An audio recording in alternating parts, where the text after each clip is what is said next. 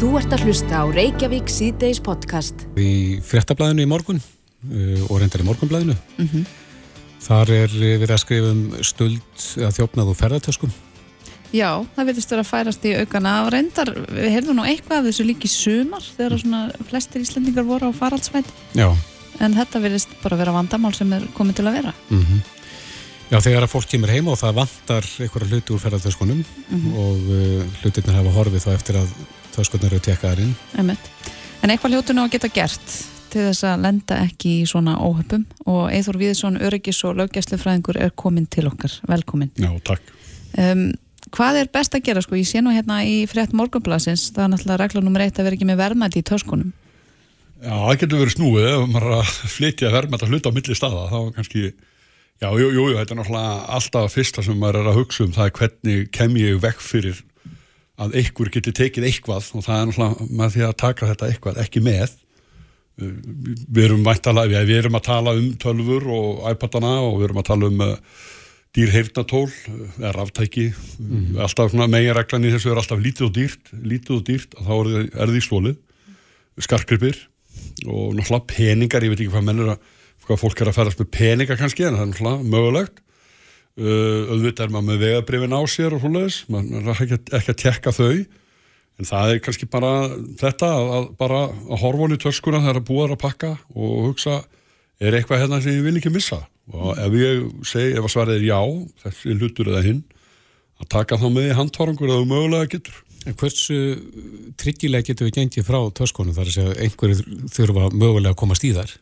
Við, sko, það er náttúrulega ef við horfum á bara hefðbundu tösku og um einhvern rannlás og ég meina auðvitað sko allt sem að tefur letur. Mm -hmm. ef við náum að tefja þá erum við kannski að koma töskunum okkar fram fyrir aftar í rauðina hjá mögulegum þjóum mm -hmm. og það gerum við til dæmis með að strappa eða binda sagt, töskunar, þetta kaupa það bara Amazon eða hvað sem er. Og hérna og læsaði með lásum. Lásarnir er náttúrulega ekki stórir, ekki burðir kannski, auðvitað að, að klippa á þá en að búa til smá vesen og ég tala nú ekki um að plasta töskuna að náttúrulega það, þurfa flugu stundum að fara í töskur í, í, í random check og, mm -hmm.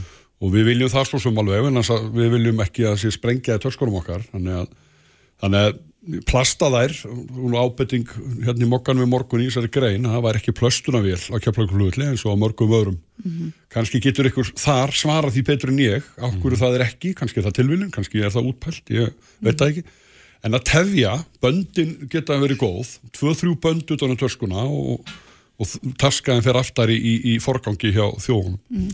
Maður býst nú samt einhvern veginn við því, kannski er það bara uh, að vera svona einfaldur í sér eins og ég, að þegar ég er búin að innrita törskuna mína þá sé hún bara þokkala örug þángar til hún kemur aftur í mínar hendur.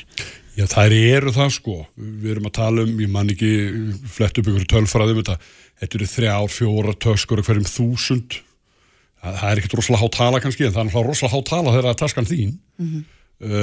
það er uh, stranga reglur um ráningar á flugöldum fólk þarna, þarf að fara undirgangast já það þarf að skilja sækka óttorði og jafnvel einhverju meira. Og þá erum við að tala um fíknefnarsmíkl sem er að reyna að koma vekk fyrir eða þriðverka ógn þannig að flugvellir eru eiginlega betur mannaðir örgislega síð heldur en bara almenn fyrirtæki út í bæ. Mm -hmm. þannig að ég svona ég veit ekki hvað að segja sko. Það er alltaf að tala um þessu slæmu eppli í tunnunni sko. Það er ekki náttúrulega mál en auðvitað náttúrulega er fólk misjáft og, og, og þetta eru, ég veit ekki, þetta eru lálunastörf og kannski er eitthvað að drýja peningin þetta er rosalega mikill farangur eins og hann á tenir í, þetta eru miljónir miljónir taska á ári og, og það er náttúrulega hlutalli kannski lágt, þannig að það er kannski, ef það er ekki, ef, ef það eru ekki fleiri sem kalla eftir aðtikli eins og hann vinnur okkar hann á á, á, á tennirin núna mm -hmm. og vekja aðtikla á sig og þá kannski bara flýgur þetta undir ratar og yfirvöldum og er látið og reitt svo er þetta líka umtal sem flugvöldinni vilja ekki. Mm -hmm. En það kemur líka ljós eða fram þarna í fréttinni að líklegast í staður en það sem þetta á sig stað er inn í flugvöldinni sjálfri þegar það er verið að ræða töskonum inn. Ég, þetta er svolítið laungleið sem taskan fer eins og við vittum sem við farið erlendis að flugvöldinni getur verið ansið stórir mm. og taskan þarf að fara kannski ekki á sömuleið en hún þarf að fara langa leið. Þetta er hann að baka til þegar taskan hverfur á færibandinu. Og það er mikið flókið kerfi ofta á, á, á færibandum og það er verið að handla farangurinn talsvert á leiðin út í vél. Og svo er náttúrulega, jú, eins og við sjáum úr vélinni þegar við erum að býða eftir að komast í loftið þá sjáum við uh, fólk, starfsfólk vera að höndla farangurinn inn að færiband og það fer inn í vél það er náttúrulega mikið prífas í þessum vélum. Og þetta er hérna, það er ekki fjöldin af fólki að horfa á því Væri ráð að koma upp uh, eitthvað skonar eftirlismyndavælega kerfi inn í uh, tösku geimslun eða Já, því ég, rými? já, jú, jú, það, sko, það, það kostar lítið að þá er ekkert mál að setja myndaðalar en ég meina, hverjir eru þar sem að eru sérfræðingar í hvað þessar myndaðalar myndu sjá, það er náttúrulega starfsmennir það er nú oft þannig að þau vorst að fylgjast með starfsmennum og þá er það svolítið erfitt með myndaðalarkerum þeir kortleikja þær bara á fyrsta korturinu þannig að ef þeir eru óheðilegir þá komast þeir fram hjá því og, og, en auðvitað náttúrulega líka bara vekja aðtekli á ég er svo sem ekki örygistjóri hérna flugvöldar alltaf tennir í en jú, ég myndi örgulega skoða það sko en þá þurfti ég að tala líka verið flugfélögin og ég veit það ekki það en að kannski- flugfélagin sjálf þar er sér koma Já, já, báði Æsland er til dæmis og Play og fleiri sem fljúa Já, ég líka bara upp á tryggingar og annað mm -hmm. geta sínt fram á að eitthvað tjón varð ekki um borði í vélni á þeim til dæmis. Mm Sérstaklega ef þetta er ekki mjög kostnæðsamar breytingar. Nei, nei, þetta er náttúrulega bara myndalegkjörður sem kostar lítinn pening með hvað vélinn kostar. Kannski bara plásli sem að kenna en vélarna líka er róna litlar þannig að þetta er áhugaverðu punktur sko. Setja myndalar í, í, í, í farangurs hólfinu, en okkur ekki. Já, við getum allan að senda þessa hugmynd út í, út í alheimin að þú Já. hvort einhver grípur hana. Koma út í kosmosið en uh, er aldengt að því að ég veit að þú þekki vel til uh, fyrirtæki og, þjófnaði úr fyrirtækjum. Er aldengt að, að svona þjóa gengjan og tala um þjóa gengi þessari frétt? Já, þetta er eh, sko þegar þú ert í svona starfsemi hérna, reyka flugvelli eða eh, þar sem eru samskipt á milli landa, skipafélög og annað slíkt, að þá áttu alltaf á hætta því að, að, að, að, að berist svona sjálfur séð þetta í- þegar ég var á skipafélagi, öryggistjóri þar að þá komur svolítið svona gommur af umsóknum stundum. Allir fættur á sama árinu eða svona svipað, allir á sama hverfinu. Auðvitað er vinsalt hjá hópum, skipulum glæpahópum að komast inn í flugvelli og vinna á flugvellum þeir geta valdið alveg gríðalegu tjóni á mjög skömmum tíma og þetta er viðkvæm starfsemi.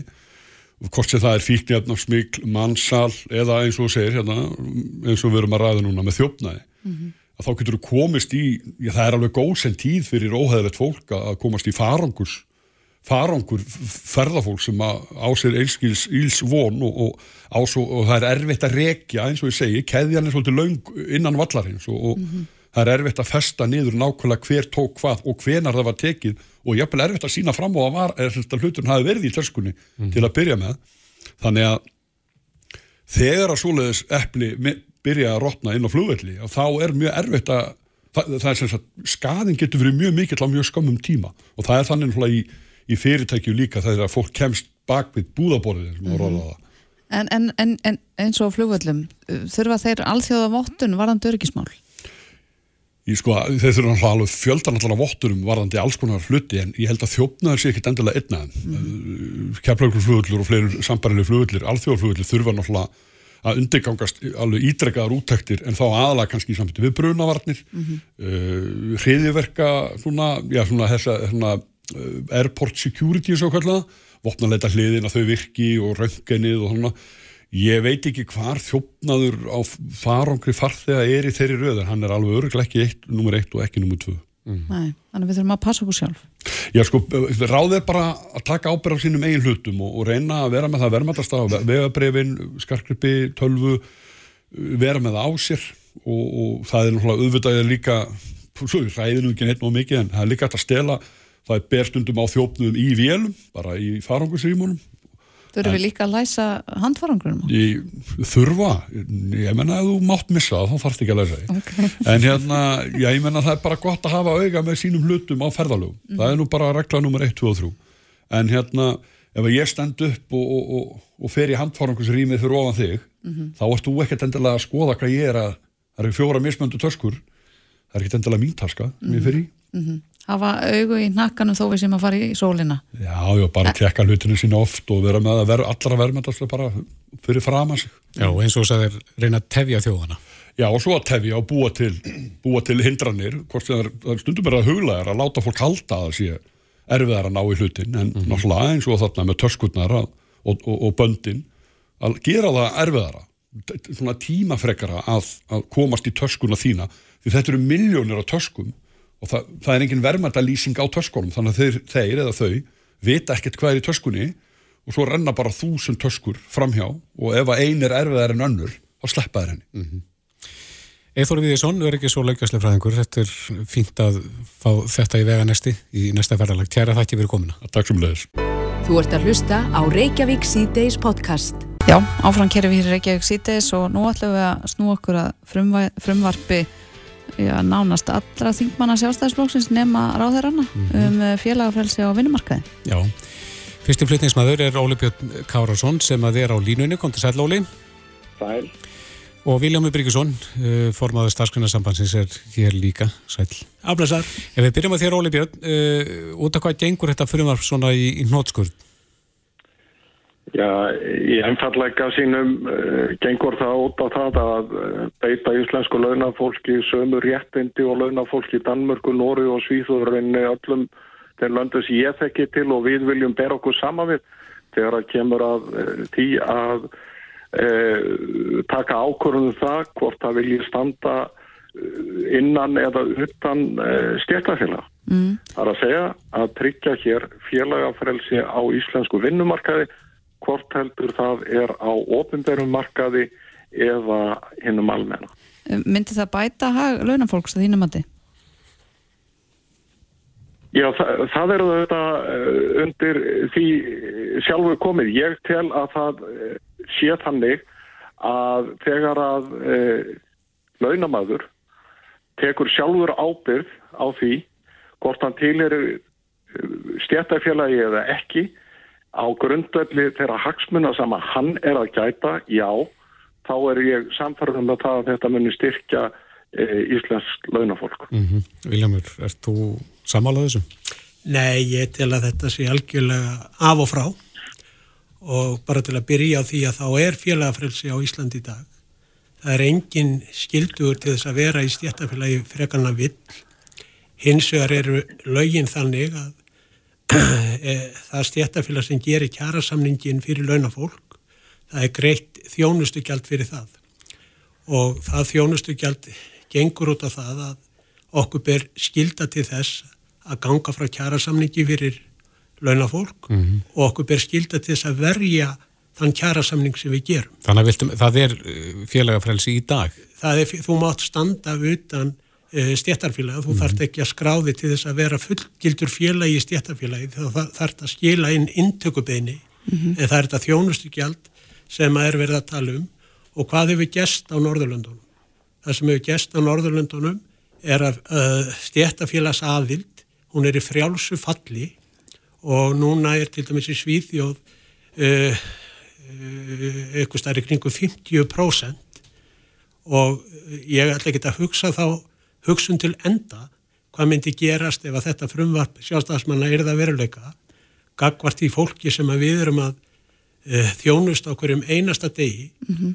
og ég held að væri bara mjög gott fyrir þingflokk sjálfstafsmanna að taka rúmt á skrifstúr stjættafélagana og kanna nákvæmlega hvað við erum að gera á hverjum einasta degi. En, en Viljámi, bara fyrir þá sem er að hlusta, ef þetta frumvarp eh, er þið samþygt Um, hverju myndi þetta breyta? Þetta, þetta myndi breyta því ég skal bara taka, ef ég tek bara mitt stjættafélagsdæmi mm -hmm. að frá árunni 2004, frá því ég tók við sem formaður, þá er verkefælisvila agranisbúi innheimta vegna kjærasamningsbrota og tólkunar á kjærasamningum 1,5 miljard króna og þetta eru allt atriði þar sem að atvinnurikutur hafa hafnað því að það væri verið að brjóta á þeim. Þetta er 1,5 miljardur og þetta er fyrir utan markveldis áhrifin sem að þessi mál hafa haft síðan til lengri tíma liti því að sum hafa síðan fyllt áfram ár eftir ár. Ég tala nú ekki um all félagslegu undurbóðin sem að er á íslensku vinnumarkaði kakvat ellenda fólkinu. Þetta fólk myndi algjörlega standa uh, berskjaldað kakvat sínum aðunureikanda og ef að þetta að sjálfstafsmanna er það lögum þá er þetta einfallega þannig að atvinnureikundu myndi gera það skildu að fólk stæði utan stjættarfélaga Ég, ég hef búin, búin, búin að lesa það. Það er því þá bara, það er því bara einfall, það er því bara einfall að ég... Ég gerir meiri kröfu til þín... Ég byrju, hlustaðu, það, það er það sem myndi gerast... Óli, leðum að... Ég ætla að úskýra það. Leðum að klára og svo kemst þú að. Það sem myndi gerast er það að atvinnurreikundur hafa alltaf í hendi sér hverja þeir ráða til sín. Þeir hafa það alltaf í hendi sér og ef að þetta er það skilir því að þú myndir standa auðvitað stjættafélaga þá er það bara veruleika. Þa, mm. það, þannig myndir þetta gerast. Já, Óli. Viljum, viljum, fyrsta lagi, sko, þetta er alrangt hjá Viljónum, mér þykir miður ef hann ætlar að fara í skotgræður og beita einhverjum slíkum rang, rangindum, ég vona að þetta sé byggt á mérskilningi. Vegna að þessi í frumvarpinu akkur að tekið á þessu, það er algjörlega óheimil að, að hérna að standa þannig að ekki hjá aturreikanda að ráða mann hérna engöngu vegna þess að stendur utan stjættafélags. Það verður óheimilt, það verður ólöglegt og svo framhegist. Ég ætla bara líka að... En, en má, það má ráða mann sem að er utan stjættafélags? Það má ráða í dag mann sem er utan stjættafélags. Mm -hmm. Það er ekkert sem að breyti því. Ekki allstað að reyndar? Já, það er hjá hennu ofinbæra en nú greiðslu skild og menn skulu greiða hérna e, félagskjald í það félag sem mann ætta til er að jáfnvel þótt að það sé ekki félagsbundin. Mm -hmm. Það er að undirstyrka það. Það er engin að halda því fram að það sé hér skildu aðild að verkefliðsfélagi.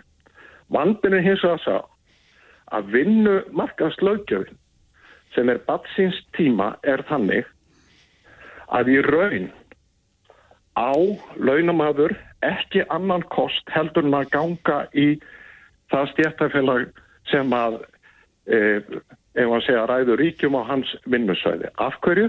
Vegna þess að það eru forgámsréttar forgámsréttar ákvæði e, er varðar ráðningu og varðarandi uppsagnir. Þannig að hann þarf að verja sín réttindi með því að vera í stjættafélagi.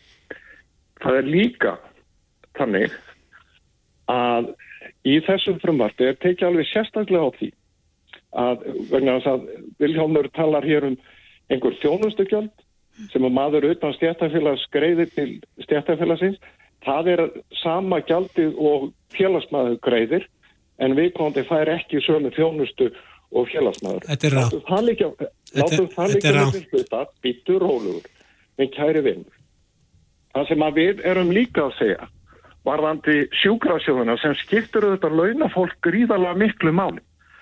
Nú er það svo að verkalýsfélagin reyka sjúkrasjóði og flest hver að miklu myndarbræð og hafa skipt Íslands launafólki miklu. Allreikandi á að greiða í sjúkrasjóð. Ef við komum til stendur utan stjættafélags, stendur utan stjættafélags, þá getur og ég hygga og Viljónu neyrétti mig að það er á að þá er það yfirleitt þannig að viðkomandi stjættafélag neytar að taka við greiðslunni. Þá stendur þessi launamæður óbættur hjá gardi þegar hann áþarf að halda.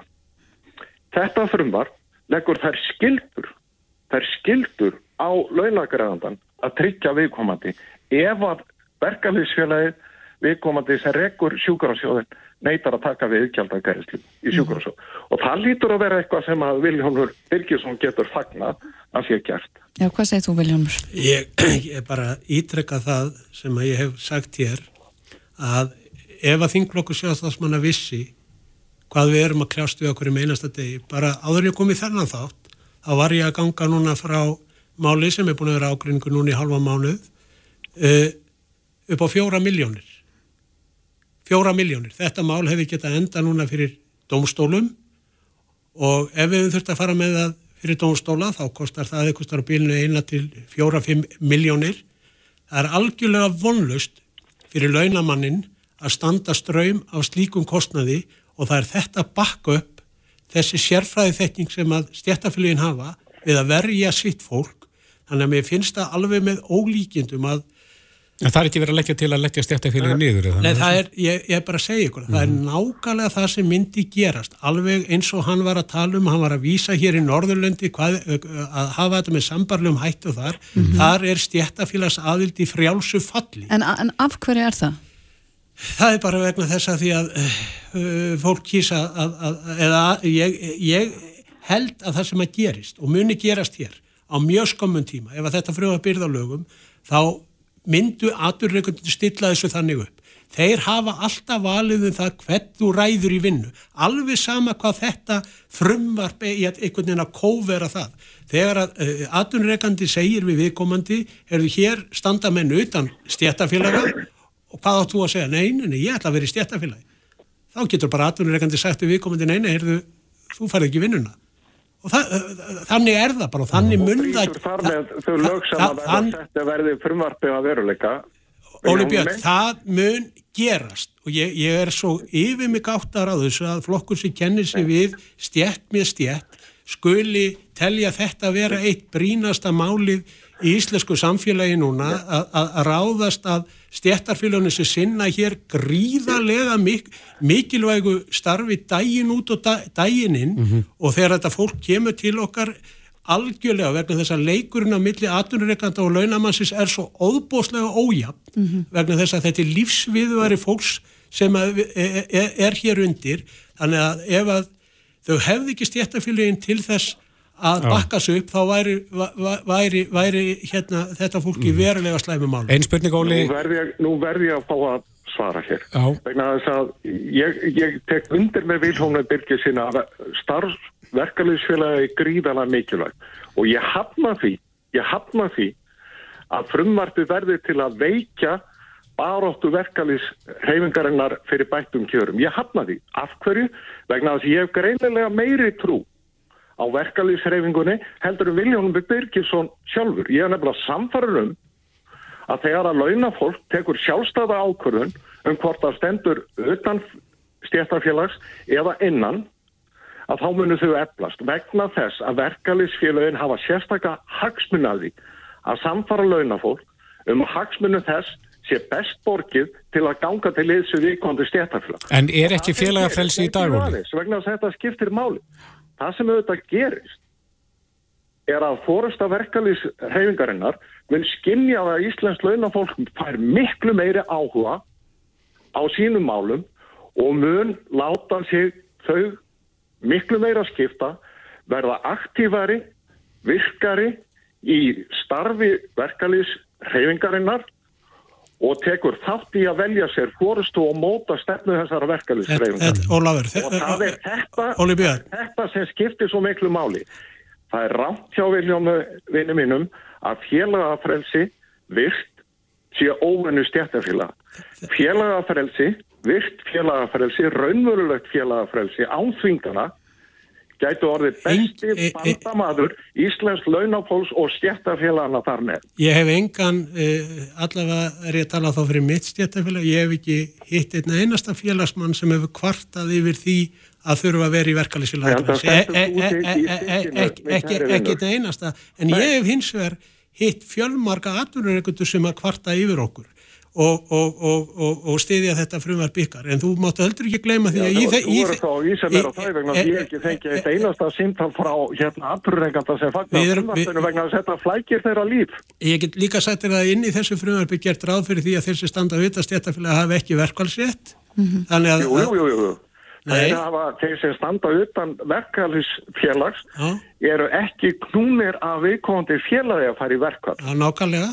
Þar er, þar er það veikja verkvælsrétt og samtaka mát reyfingarinnar. Hvernig þá?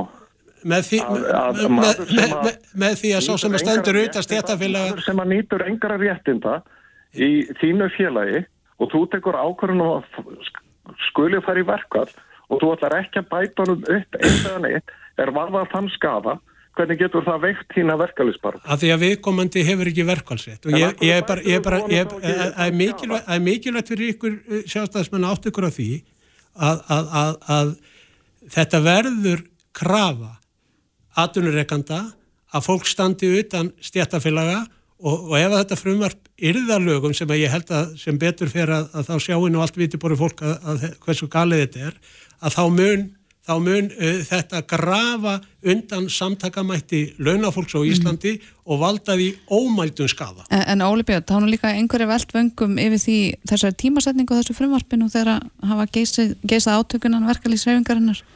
Já, það er nú ekkert samikið þar á milli og engungu tilvílun. Hitt er hann að mál að ég er samfarrður um það að ef að þetta frumvart hefði, hefði orðið á lögum fyrir einhverjum árum þá væri virkni í íslenskri verkalýðsreifinguru miklu meiri og almenni félagsmenn væru þar að taka miklu meiri þátt til dæmis í að velja sér fórustu og svo sundrung sem að við höfum orðið vittni að í íslenskri verkalýðsreifingu því miður vegna sem hún skiptur okkur svo miklu máli hefði ekki orðið með þeim hætti sem raunber vittni. Viltu meina að þetta rjúfi ekki samstöðu verkefliðsreifnum? Nei, ég hef bara meiri trú á Viljámi Birgisinni og hans félögum heldur en hans sjálfur.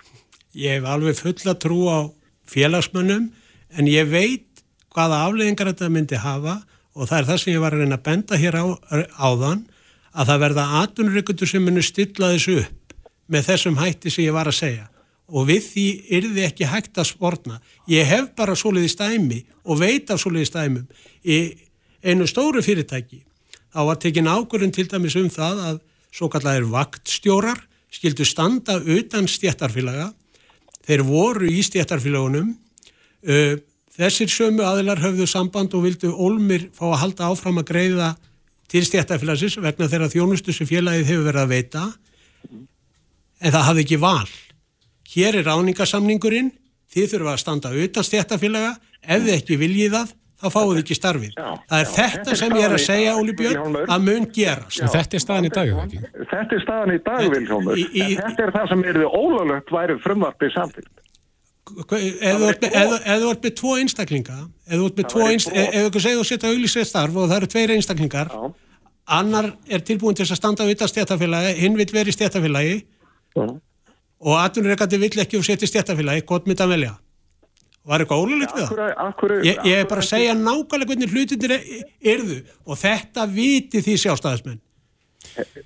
Vilhelmur ég trúi því ekki að þú sért að halda því fram að ef að Íslands launafólk fær réttin, raunverulega réttin án þess að hér séu gildi forgámsréttar ákvæði eins og eru núna eins og eru núna, omvend við það sem þú ert að segja, að það muni veikja verkefliðsreifinguna. Ég held akkurat og er samfarrum að hið öfu að gerist. Hið öfu að gerist. Ég ætla bara aðeins að fara að setja punktinn. Ég ætla aðeins að fá að botna eitt. Við fáum líka fólk til okkur Ólubjörn sem að við sínum fram á að vera að brjóta á Já. en að því að fólki er svo hrætt við sinn vinnuveitanda þá hafa stjættafleginu öll fjölmörg dæmið um það að þau þóri ekki að fara með málun áfram. Þetta er staðan og hún er alvarleg. Já, hér verðum við að setja punktinn Óli Björn Kárásson, alþengismadur og fyrsti flutningsmadur eh, félagafrelsis Frjóðamapsins og Viljámur Birgisson formað starfskunnasabansins. Kæra þætti fyrir komina. Takk, takk. Takk kæla. Þetta er Reykjavík C-Days podcast. Við rættum aðeins hér að fyrir klukktíman með um uh, kjaramál mm -hmm. og herðum í þeim Viljámi Birgissin og Óla Björn Kárássin um uh, félagafrelsis Frjóðamapsins. Einmitt og við ætlum að reyna að halda áfram í kjaramálu umræðu mm -hmm. og það er hvenna frítarinn dag. Og Sonja Ír Þorbergsdóttir fór með BSRB skrifar pistil á vísi í dag sem ber yfirskriftina konur á afsláttarkjörum. Og það er spurningamerkið þarna fyrir aftan. Mm -hmm. og hann sé áhugaverðar hugmyndir sem koma fram í þessum pistli í tilöfna því að það er 47 ár síðan konur lögður yfir stöð og hvenna frítagurum fættist ef svo má segja. Einmitt. og hann er komið til okkar Sonja Ír, velkomin. Takk fyrir, svolítið hafði mikið með daginn Takk sem leiðis. Eh, hvernig, hvernig á að leiðrétta þennan mun sem er og þú leggur til að, að konan eigi næsta ár? Já, að því við vitum að það þarf aðgerið til og það þarf áttak og þá er hugsuninu upplegið í greininni þessi að ef við ætlum að gera þetta á alvöru að þá setjum við þetta efsta fórgangslistan og, og bara verjum heilu ári í að reyna að afhjúpa kynjablindu eins og kallega stundum og, og svona hætta með þessar staðalímiti sem hafa svo mikil áhrif á okkur í okkar svona bara daglega lífi. Við vitum að ástæðan fyrir launamunni kynjana er sögulegt, er menningalegt, er kerfisbundi, þetta er bara svona rótgróið og í dag þá má alveg segja að við getum alveg ætla okkur að ætli sér enginn að mismuna. Heldur er þetta ómeðutu hlutrækni sem að bara býri okkur öllum. Þetta er svona eins og sagt á ennsku bias. Mm -hmm. og þannig að tækifærinu og möguleikarnir eru bara ólík en ef við horfum til þess að megin ástæða fyrir launamunni kynjana er vegna þess hversu kynskipti vinnumarkaðin er og þá er sérst hinn til að á næsta ári verði gerðir hvenna kjærasamningar að því þannig getur við tekið stærsta stökki áttan að útrýma launumunni kynjana. Það er náttúrulega mitt hugtak sem ég sé á samfélagsmiðlum að einhverja hafa staldrað við hvenna kjæra samningar. Hvað eru hvenna kjæra samningar? Það sem við erum þá að horfa til þess að vegna þess að við vitum að megin ástæðan fyrir launamunni kynjana er hversu kynskipti vinnumarkaðin er. Það er vegna þess að það eru stórar stjættir eins og í helbriðsgeranum, í mentageranum, í félagstjónustunni það sem er að meiri hluta til konur og það eru oft kallar hvenna stjættir og hafa verið kallar það í svona gegnum söguna og við séð bara rauðsokkarhefinguna og eldri kannréttinda samtök og þetta líka e, stjættafölun gegn tíðin að tala um að leiðrétta vanmat á störfum hvenna stjætta. Þannig að þaðan kemur þetta að við ætlum að gera hvenna kjærasamninga þegar við ætlum að lyfta konunum upp og leiðrétta þetta vanmat. En eins og jafnlaunavottun, átti hún ekki að einhverju leiti að ná að rétta þennan halla? Sko munurinn þarna á er, það er kannski einfaldar útskýrða á, á ennsku að því að við tölum um jöfnlaun hérna heima og ennsku segjum við equal pay en þetta er umvel að ný nálgun sem við erum að tala um, þetta er jafnvirðisnálgun eða pay equity og, og þá við að horfa til þess að munurinn á sig er að það er talað um jöfnulaunin og þá við að tryggja þessu jöfnlaun fyrir jafnverðmættstörf innan vinnustaf, við getum horta á þetta eins og hús, veist, að vinnustafin sé eitt hús og, og þá er einn og sami atvinningandi nefið þessu. En svo ef við horfum á eins og ríkildæmis, það eru marga stopnarnir sem er tilheyra ríkinu og þá er þetta snýst þetta um að fá möguleika til þess að bera saman stöður þvert á stopnarnir, þvert á vinnustæði. Þannig að bera saman hjúkunarfræðingin og verkfræðingin eða þú veist, þú getur tekið líka hjá sveitafélagunum. Mm -hmm. Það er hugsunin þannig. Mm -hmm.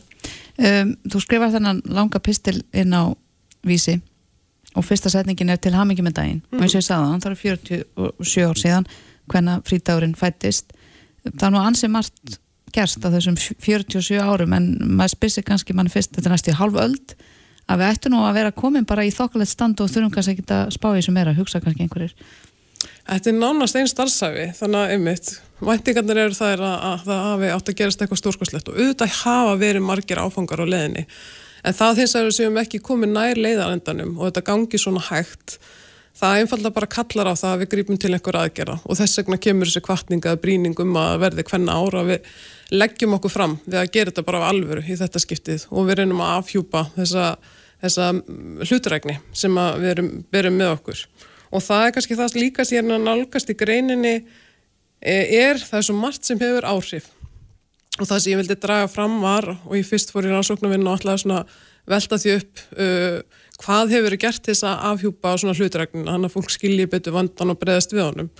Og það áttaði alltaf inn á því að það er merkimiði á öll fræðin þegar það er verið að reyna rétt af hlut hvenna innan fræðana, þú veist, innan fræði greinana, þú veist, þannig alltaf nú að komið ef eitthvað var, það var þetta feminisk heimsbyggi eða feminisk haffræði og svo framvegis. Og við erum að tala um helming mannkins, þannig að það er svolítið skrítið árið 2022 séu ekki komið lengra í þessu og þetta sé bara, já, þú veist, þetta sé grundvallar eh, nótkun á þessu sem sé bara í sama takt eins og áður. Mm -hmm. Að þegar við, auðvitað er uppsprettan svo að, að, þú veist, það voru kallar umvel sem að lögðu grunninn og öllum þeim fræðin sem við erum að nema í dag, svona meiri hluta til og, og konur hefðu ekki réttindi til þess að fara í skóla. Mm. Þannig að þar byrja náttúrulega skekkan hvað þetta var þar.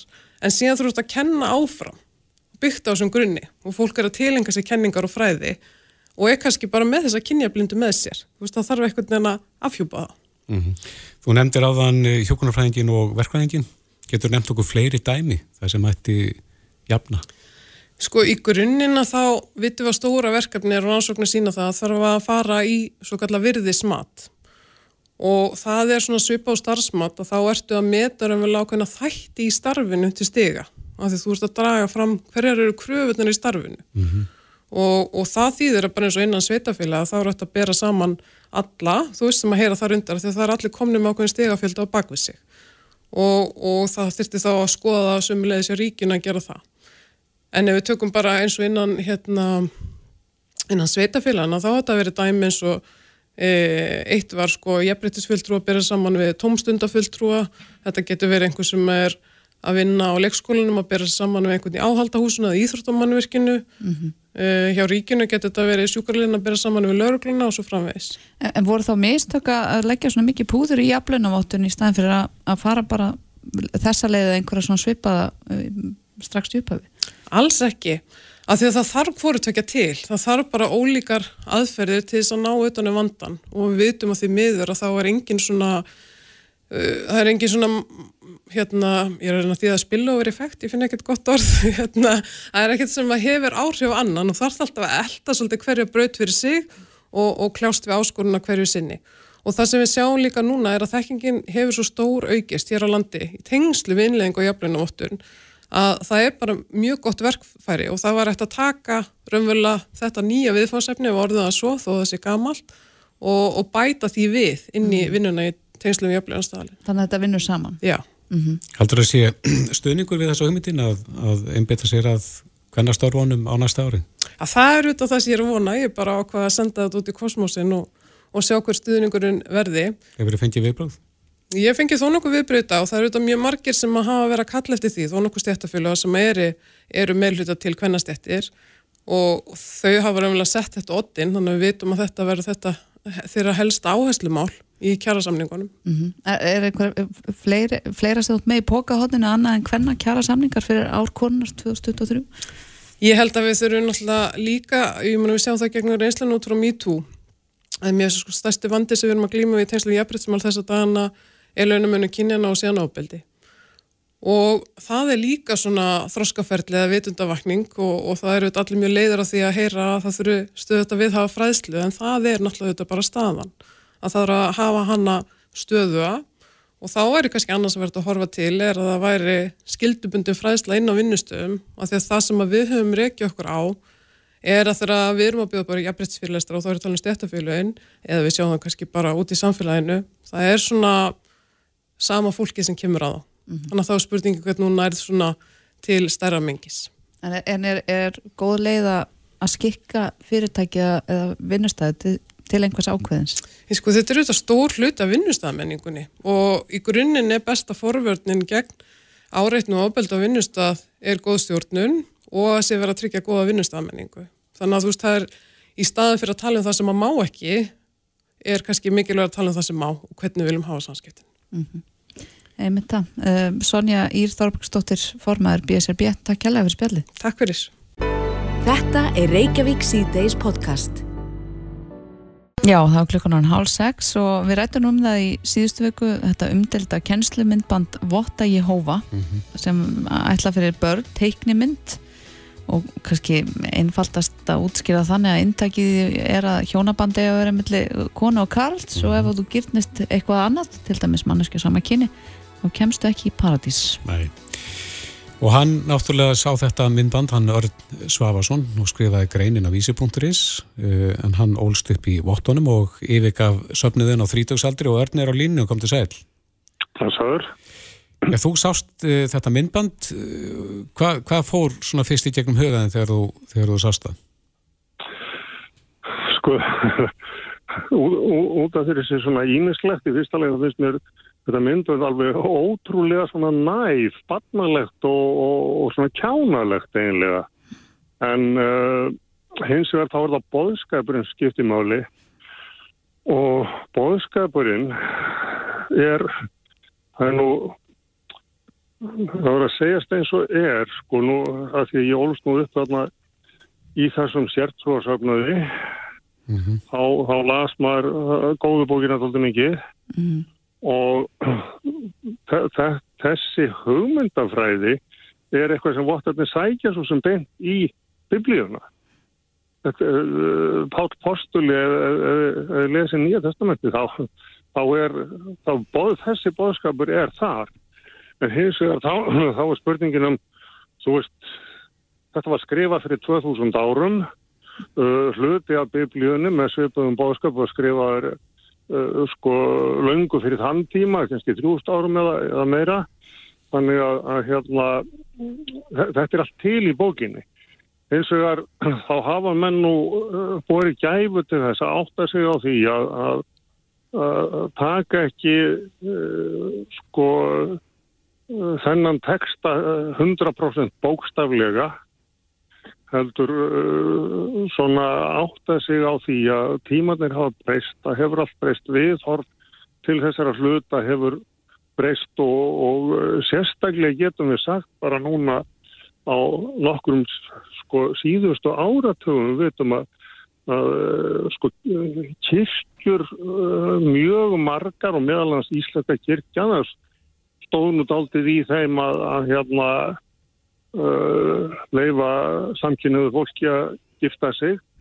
Sem betur fer þá búum við í landi og erum svona í þeim heimskluta þar sem að menn hafa kannski svona átta sig á því að, að hérna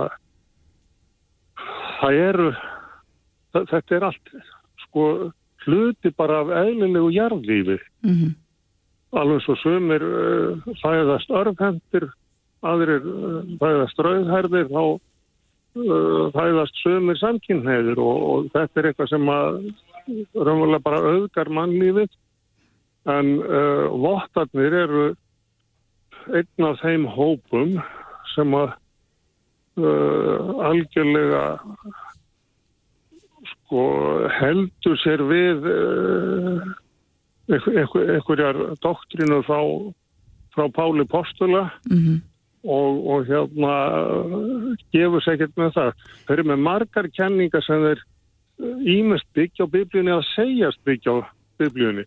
Uh, hluti eins og til dæmis að hafna blóðgjöf sem er alveg fáránlegt. Það, það, hérna, það er að vísu talað um það uh, allavega í gamla testamentinu að, að hérna þegar að menn torguðu dýrum þá þeir ekki að neyta blóðsins. Það hefur kannski verið bara einhver heilsufars ástæða fyrir því á sín tíma Mhm. en að nota það sem einhvers konar rök fyrir því að hafna blóðgjöf uh, í, í nútíma læknavísindum er náttúrulega uh, sko ekki bara kjánalegt að er raunverulega uh, mjög slæm En hvernig, fyrir, fyrir meðlum meðlum þess að trúarhóp sko. mm ég velti fyrir mér, Örd, hvernig það var fyrir þig eins og kemur fram hérna í pislinum á vísi að þú hefur yfirgefið söfnuðin á þrítusaldri hvernig var að alast upp í svona söfnuði eh, vera mataður af ýmsum kenningum og koma svo út í heiminn fr-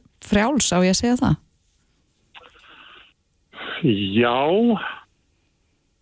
sko ég, ég hef, eh, er náttúrulega búin að lesa óhugum marga frásagnir fólk sem að, sem að hérna uh, leið, leið kannski illa uh, inn í söfnunum einhverjum þetta vegna og, og hérna og fann fyrir miklu frelsi þegar að þegar að uh, yfirgafið að eða var rekið úr söfnunum hins vegar þá þetta var allt kannski með örlíti minni tilfinningum hjá mér.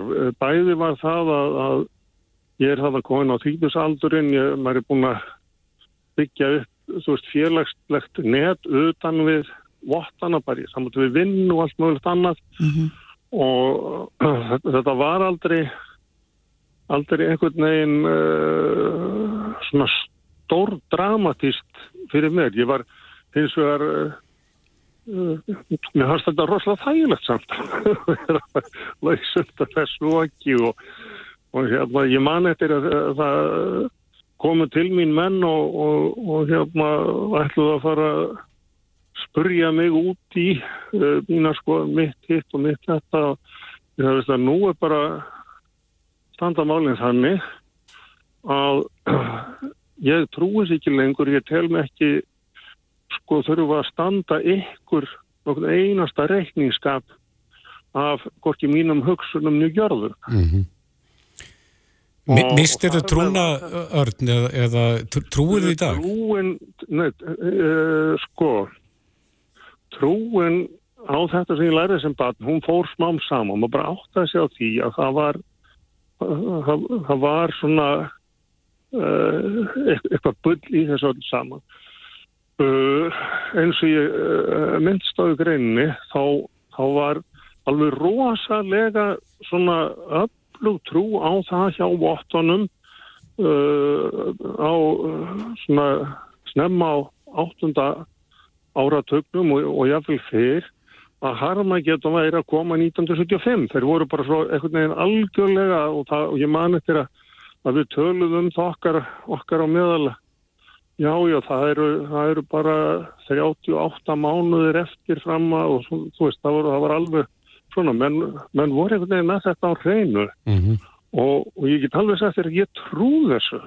Ég trú þessu eins og nýjum meti, bara eins og eins og 1. janúar kemur eftir 31. desember þetta var í mínum huga alveg ég var einhvern veginn aðleginn þannig upp og, og uh, allt uppeldi í vottunum er með þeim hætti og maður er, maður er gegn sýrður að þessu og þó þetta sé uh, eins og maður sé þetta í dag sko algjörlega utopist, algjörlega surrealistist uh, einhvern veginn uh, steipa sem allir átt að segja á að uh, allt þengjandi fólk átt að segja á að geti bara ekki verið Mm -hmm. og þá, þá trúðum við þessu samt. En svo fórst ekki hérna- heimurinn og, og hvað, Já, hvað það var, það var nú þá eiginlega, þá, það var svona endapunktur.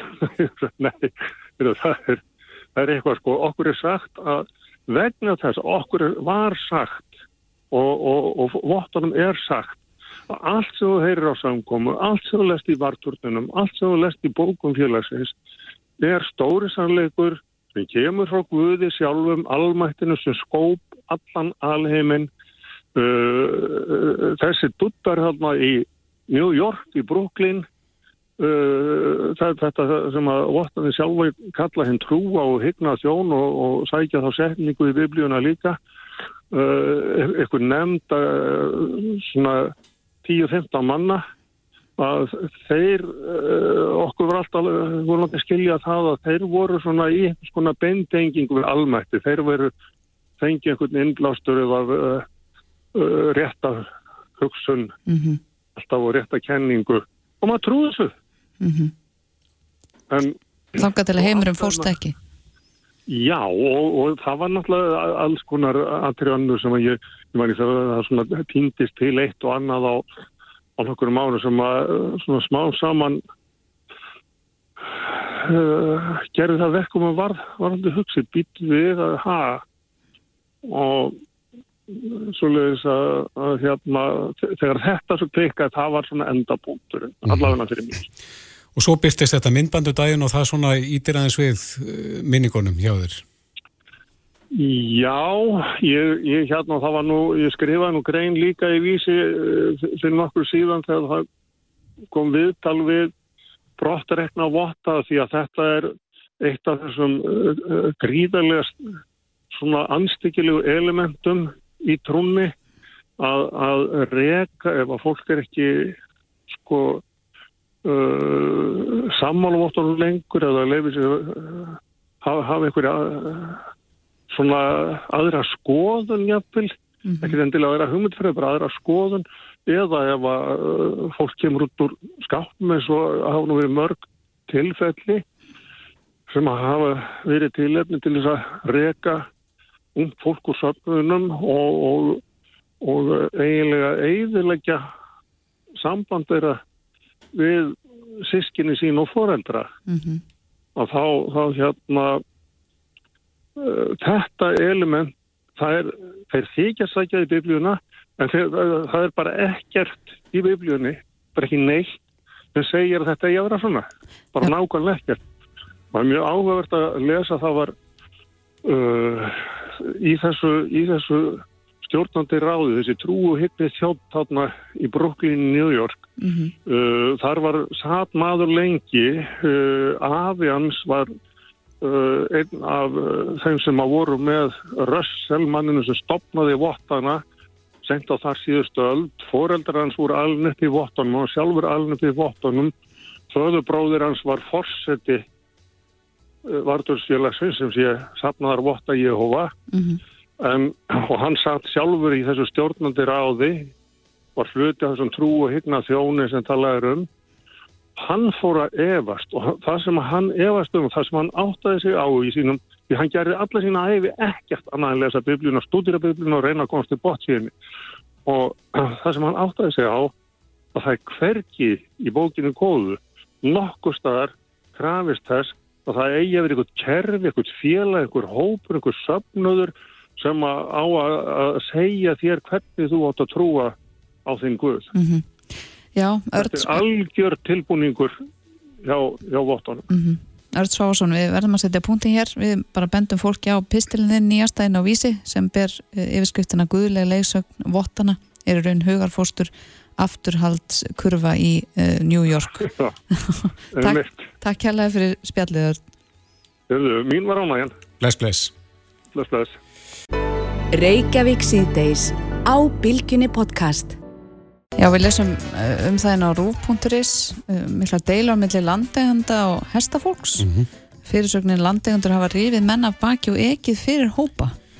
Já, ljóta lýsingar á Mhm. þessu og þetta fær maður til að uh, spyrja sig hvað má og hvað má ekki Einmitt. svona þegar við erum að ferðast með landið megum við ganga bara það sem okkur sýnist Já, það er bara mjög góð spurning. Ég held að hann Skúli Skúlason, frangöndastjóri útvistar, geti eitthvað leitt okkur í sannleikunum þetta og hann sestur hjá okkur. Velkomin. Takk fyrir. Maður hefur heyrt uh, þessu fleikt um almanna rétt og skil það þannig að maður mætti fara bara hvert á land sem er. Er það kannski ekki svo? Sko, í, jú, í, stó, í megin reglan er svo að, að, að maður, við megum fara hvert, hvert um land sem er og, og fara, fara um landið í, já, eins og segir í, í sko náttúrundalögum, í náttúrundalögum er þessi réttu tríður mm -hmm. uh, að það segir að almenningar heimil för um landið og dvöl þar í lögmætum tilgangi. En síðan alltaf koma ímiskonar ímiskonar hérna svona mm, hvað ég segja, fyrirvarar á það og, og hérna og til dæmis bara að menn síni almenna tillitsemi e, og e, frálsför erum, erum e, þá órækta land, ekki, ekki rækta land eðlega Mm -hmm. eins og ekki að tjálta heima við hús og, og annað slíkt sko. En, en þetta er megin reglan sem að, að hérna er tryggð í, í náttúrundalögum Þannig að það má ekki gangi yfir agra og, og slíkt Nei, akkurat, akkurat sem er náttúrulega bara eðleg, eðlegur fyrirværi sko. Mhm.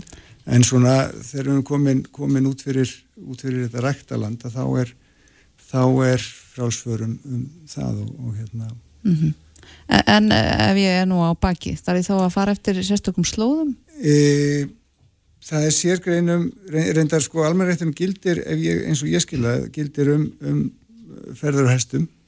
Það er svona kannski aðeins aðra reglur á velknún faratæki e, en, en e, almennrættum gildir myndi ég telja um, um hestaferðir. En samt að sér, sér e, greinum hestar eða rí- ríðandi ferðir um fyrir ríðandi manna. Um, og það segir að, að, hérna, að þeir fari ríðandur landis skuli e, fyllt skipilunum reyðstígum eins og kostur er mm -hmm. þannig að skilja hans opið Einmitt. En er að farast í vöxt að, að landeigundu setja sig upp á móti svona uh, ferðum hópa um Það- sitt svæði? það kemur alveg fyrir já við heyrum svolítið af svona málum og útvist hefur reynda fengið fengið aðtúrsendir þá í því tilfelli var það þannig að, að hérna að legandegandi vildi að við greittum fyrir að fara yfir landið Mm -hmm. þá er þetta svona tekiöflinu eða gróðsónu meðan komin inn í Er það þá óheimild?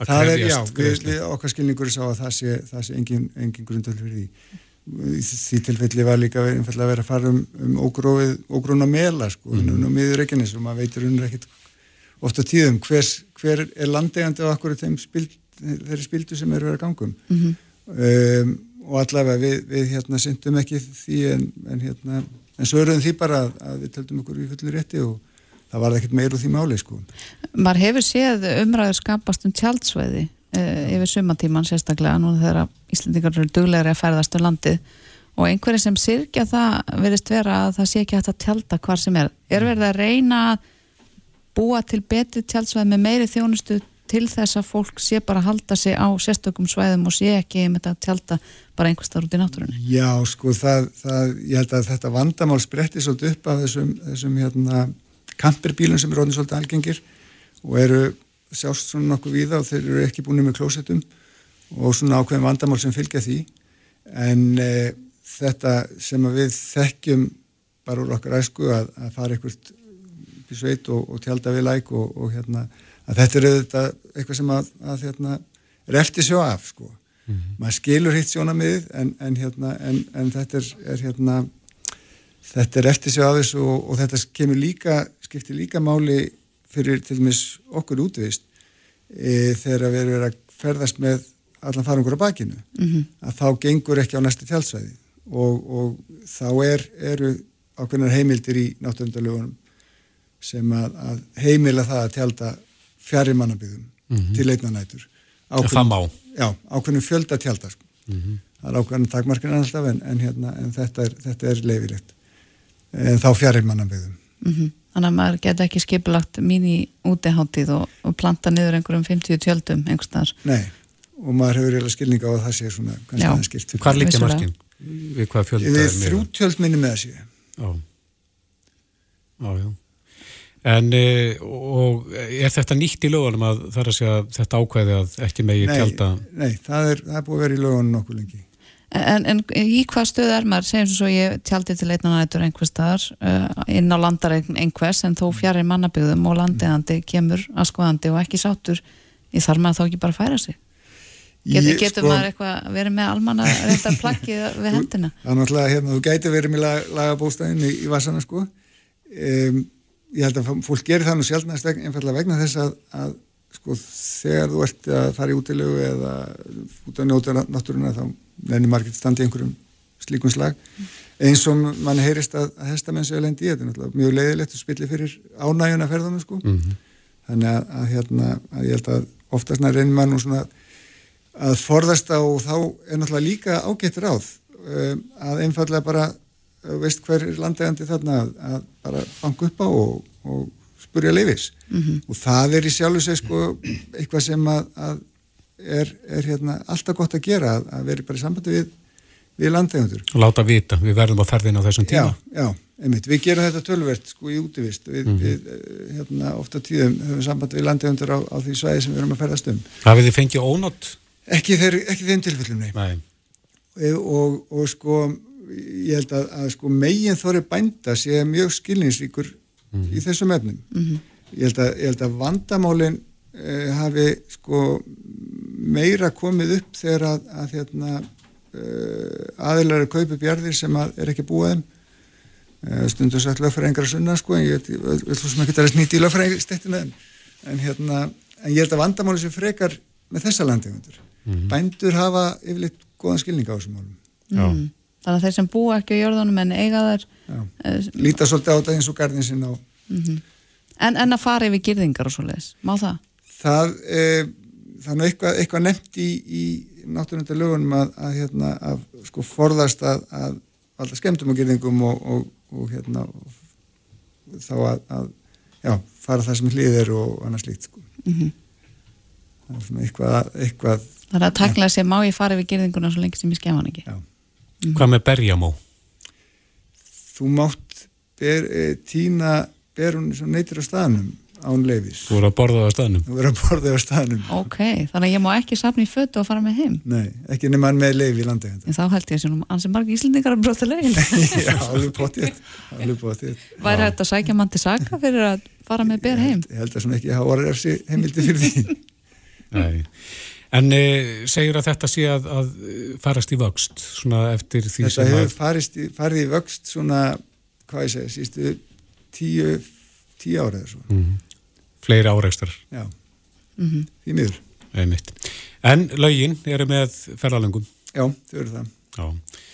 Skúli Skúlason, frangotastjóri útivistar, kæra þakki fyrir komuna. Takk sem leis Hlustaðu hvena sem er á Reykjavík C-Days podcast.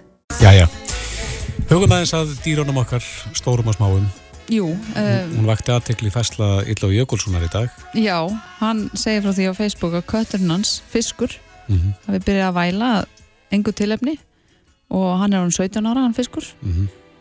Gott ítli, nafn á ketti. mjög gott nafn á Þetta, ég var einmitt að velta fyrir mig hvort ég ætti að skýra næsta hund sem ég fæ mér keks Já, þannig að þetta er svona í sama sömu átt en uh, dýralæknir, greindi fisk Mhm. með Alzheimer's já. 17 ára kisa En Þá velti maður fyrir sig hver eru einkennin og, og, og kannski í fyrsta lagi er, er hægt að geta dýrin þróa með sér þessa sjúkdóma sem við þættum kannski helst hjá fólki. Já, það er bara mjög góð spurning. Á línun er Hanna-Maria Arnósdóttir, dýralæknir á dýraspítalum í Garðabæ. Góðan blessaðan daginn, Hanna-Maria. Góðan daginn. Uh, hvernig virkar eins og með Alzheimer? Hvernig, hvernig greinir maður það í gæludýrum? Er það, er það hægt? Uh, við getum ekki sett fyrir það spurningalista, nei, en uh, við vitum að dýrin fá í raun og veru sömu eða álíka breytingar í heilan uh, eins og fólk sem, al, sem er, fær Alzheimer. Það er heila svona hörnuna breytingar og hegðun þeirra markast þá af því eða skortur á ákveðinu hegðun sem þau síndu. Hver eru helstu enginnin? Eh, Það er, eh, í raun og veru getur verið bara breytt rútína hjá þeim. Mm Það getur verið breytt svona svefnmunstur. Það verður að vakna á nóttunni á öðrum tímum, kannski að, að, að hérna, gersta eða væla eða mjálma kettir, standa út í, út í, út í vekku, út í hotn og mjálma og verða svona illa áttæðir Mm -hmm. Það getur breytt um, matamestur og það sem þeir kunna áður og, og voru gerði gerðnan, það er þeir hættir að geta. Eins og Ítli skrifar hérna í fæslunni þá segir hann að fiskur sem er endur 17 ára sem er nú góður aldur um, hann sé í rauninni full frískur fyrir það að hann er komið Alzheimer. Er eitthvað hægt að gera fyrir þessi dýr? Er einhver liv sem er hægt að setja þau á eða eitthvað, eitthvað þýmlegt það eru til svona hjálparlif það er ekki raun og verið ekki engin lifa alls saman hjá dýrum þegar en hjá fólki en allur stuðningur og halda rútunu auðvelda um ferðir um heimilið ekki breyta út af sem sagt uh, sagt, ekki umræða húsgögnum og svo leis þannig að þau áttu sig ekki á því hvar vaskálinn og annað er Á maður að halda þessum dýrum heima? Þau, nei, maður kannski fer í styrtir göngutúra og oftar og, og reynir að hafa svona eh, fara á svæði sem maður getur þá frekar örfað það sem að sérstaklega hundarnir kannski, það sem að örfar þeirra vitsmunni, eins og lykt og annað sem getur stuðlað að, að velja þann tannig, annars mm. náttúrulega kemur þetta auðvitað minna við þau heldur en okkur að því að við þurfum að geta að, kannski kert bíl eða við þurfum að geta að skrifa nafni okkur og vita hvað klukkan er og annað en þetta er svona lausi það dýrin Mhm. sko. þannig að það skiptir mestu máli bara í rauninni að vera ekstra góður við dýrið að þannig að það finnir fyrir öryggi Já, þess að, að, að huga að þeim uh, og gera sér grein fyrir að, að þau eru oft illa áttuð og, og kannski kettir eða eru að fara út að þeir rata ekki endilega heim Mm þess að þeir voru vanið að gera, já. Eru aðri sjúkdómar sem að við þekkjum kannski frekar hjá mannfólkinu sem að dýrin geta þróa með sér? Það eru bara allir sjúkdómar, allir svona, bara, já, nánast allir. Það sem er smit, smitandi, það er svona mismunandi á milli manna og dýra en all- allir svona líkamlegir kullar. eins og Parkinson til dæmis? Já, það kannski þekkist ekki og það kannski Nei. líka, núna í dag höfum við möguleika að greina þessi dýr bara sem við höfum ekkert áður með þeim með sama hætti og með fólk eins og setja í sneiðmyndur og, og segulómun og það er konar fleiri og fleiri rannsóknir og, og, og þannig að við erum alltaf að verða vísari í þessu og en svo bara þau hafa náttúrulega miklu, miklu styttri lífferðir heldur en við Mhm. þetta kemur ekki eins við þá á sama hátt eða þau En hver eru svona algengustu sjúkdómarnir sem við þekkjum þá líka í mannfólkin? Það eru nýrnasjúkdómar og það eru hjartasjúkdómar, uh, allir bæði áunir og meðfættir. Það eru meldingar, færasjúkdómar, krabbamein, uh, kvíði, þess vegna. Veist, það er í raun og veru bara saman hvað þú drefur niður þá finnur eitthvað kemlikt hjá þeim eins og er hjá okkur. Og er verið að greina þetta í einhverju mæli hjá gæludýrum? Uh, þá sem sagt svona allsamir enginni eða? Já, eða bara svona þessa sjúkdóma sem þú taldir upp? Já, já, já, er, þetta kemur fyrir daglega á einhverjum klíningum og spítulum hér lendis og erlendis. Og meiri vilji þá hjá eigundum að, að gera eitthvað fyrir dýrin? Það var ekki alltaf bara eina ráði hér áður fyrir að, að styrta lífið? Jú, það var eins og bara þrjálsprutur hjá dýrlagnum fyrir lengur síðan að það eru ráðna vanti mun fleiri. Jú, jú, það er mikið hægt að gera og í fyrst og fremst er náttúrulega hægt að bæði að, að auka lífsgæði þeirra með því að, að meðhandla þessi sjúkdóma. Best er náttúrulega fyrirbyggja þá eins og okkur en það er hægt að meðhandla þá þannig að þeirra lífsgæði aukist og um leið þá náttúrulega aukur það líka lífsgæði eigenda. Mm Þetta er náttúrulega bara sambúð. Uh, og svo er uh, þá í sumi tilfellum líka náttúrulega hægt að auka lífslengt þannig að þau eru að verða miklu eldri dýrin okkar núna heldur þau voru hérna áður fyrr. Mm uh, af því að það er hægt að grípa þetta fyrr. Ég heyrði nú einmitt, ég fór á dýrarspítalum daginn með einn háaldraðan hund og þá var svona, því fleikt fram að það væri eiginlega komið sér grein innan dýralækninga sem væri öldrunarlæknar fyrir dýr. Já, það er má alveg segja það. Það er hlutaði líka því að það er ákveðin mingja sjúkdómi sem að herjar á okkur þegar við eldumst. Mhm. Gerir það líka á dýrun okkar og það þýr ekkert endilega að þau séu búin að missa gildi sitt eða, eða hvorki fyrir eigandunni fyrir sjálfansið þó að þau finnir til verkja eða slíks þau, ha, þau hafa blessunlega meiri betri eiginleika og lifi nú en við Mhm. þannig að þetta er bara spurning um hvernig þeir líður Já, þannig að meðalaldur gæludýra er að lengjast og uh, fólk gerir meira til þess að halda þeim þá uh, frískum lengur. Já, en er oftast bara líka mjög skynsam. Þannig að það er kannski ekki að leggja hluti á dýrin sem við þurfum að gangi gegnum Nei. Já. eða komið svo langt. Það er mjög mikilvægt. Hanna Maria Arnósdóttir, dýralæknir á dýraspítalum í Garðabæ. Takk hérlega fyrir spjallið. Já, takk svo með leiðis. Reykjavík síðdeis á bylgjunni. Jú, við færum okkur í aðeins stærri dýr. Já, hestana, en uh, við heyrðum um daginn í Byrstu Flókadóttur, hestakon og dýravinn, sem að uh, blöskraði það að, að þessum 13 rossum hafi verið slátrað Mm í, í borgarfyrðinu. Einmitt. Matalastofnun hafi greinlengin önnur úrræði heldur en að fjarlæga rossin og, og uh, slátraði. Nei, þetta hefur verið er sest hérna hjá okkur, velkomin. Takk. Um, og nú ertu að standa fyrir söfnun. Og máttu endilega segja okkur fyrir hverju ertu að safna?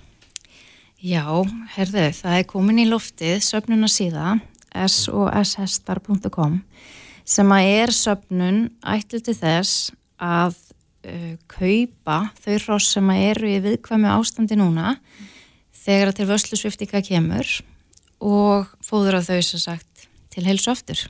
Þannig að þú ert að safna, ætlar þú að kaupa hrossin eða að reyna að kaupa þau bara prívat og persónulega? Mm, já, sem sagt ég er að kaupa þau þá fyrir höndverkefnisins, er bæði í samstarfi við ræktendur sem vilja fá hross tilbaka og svo bara verkefni sjálft sem að myndi bara kaupa hross líka til þess að fóðra til helsu, bara sambarilegt við það sem eins og dýrahjálpin er að gera fyrir smádýr, að Mhm. taka bara dýr uh, eins og þarna væri gert, fóðra til helsu og finna hann í heimili.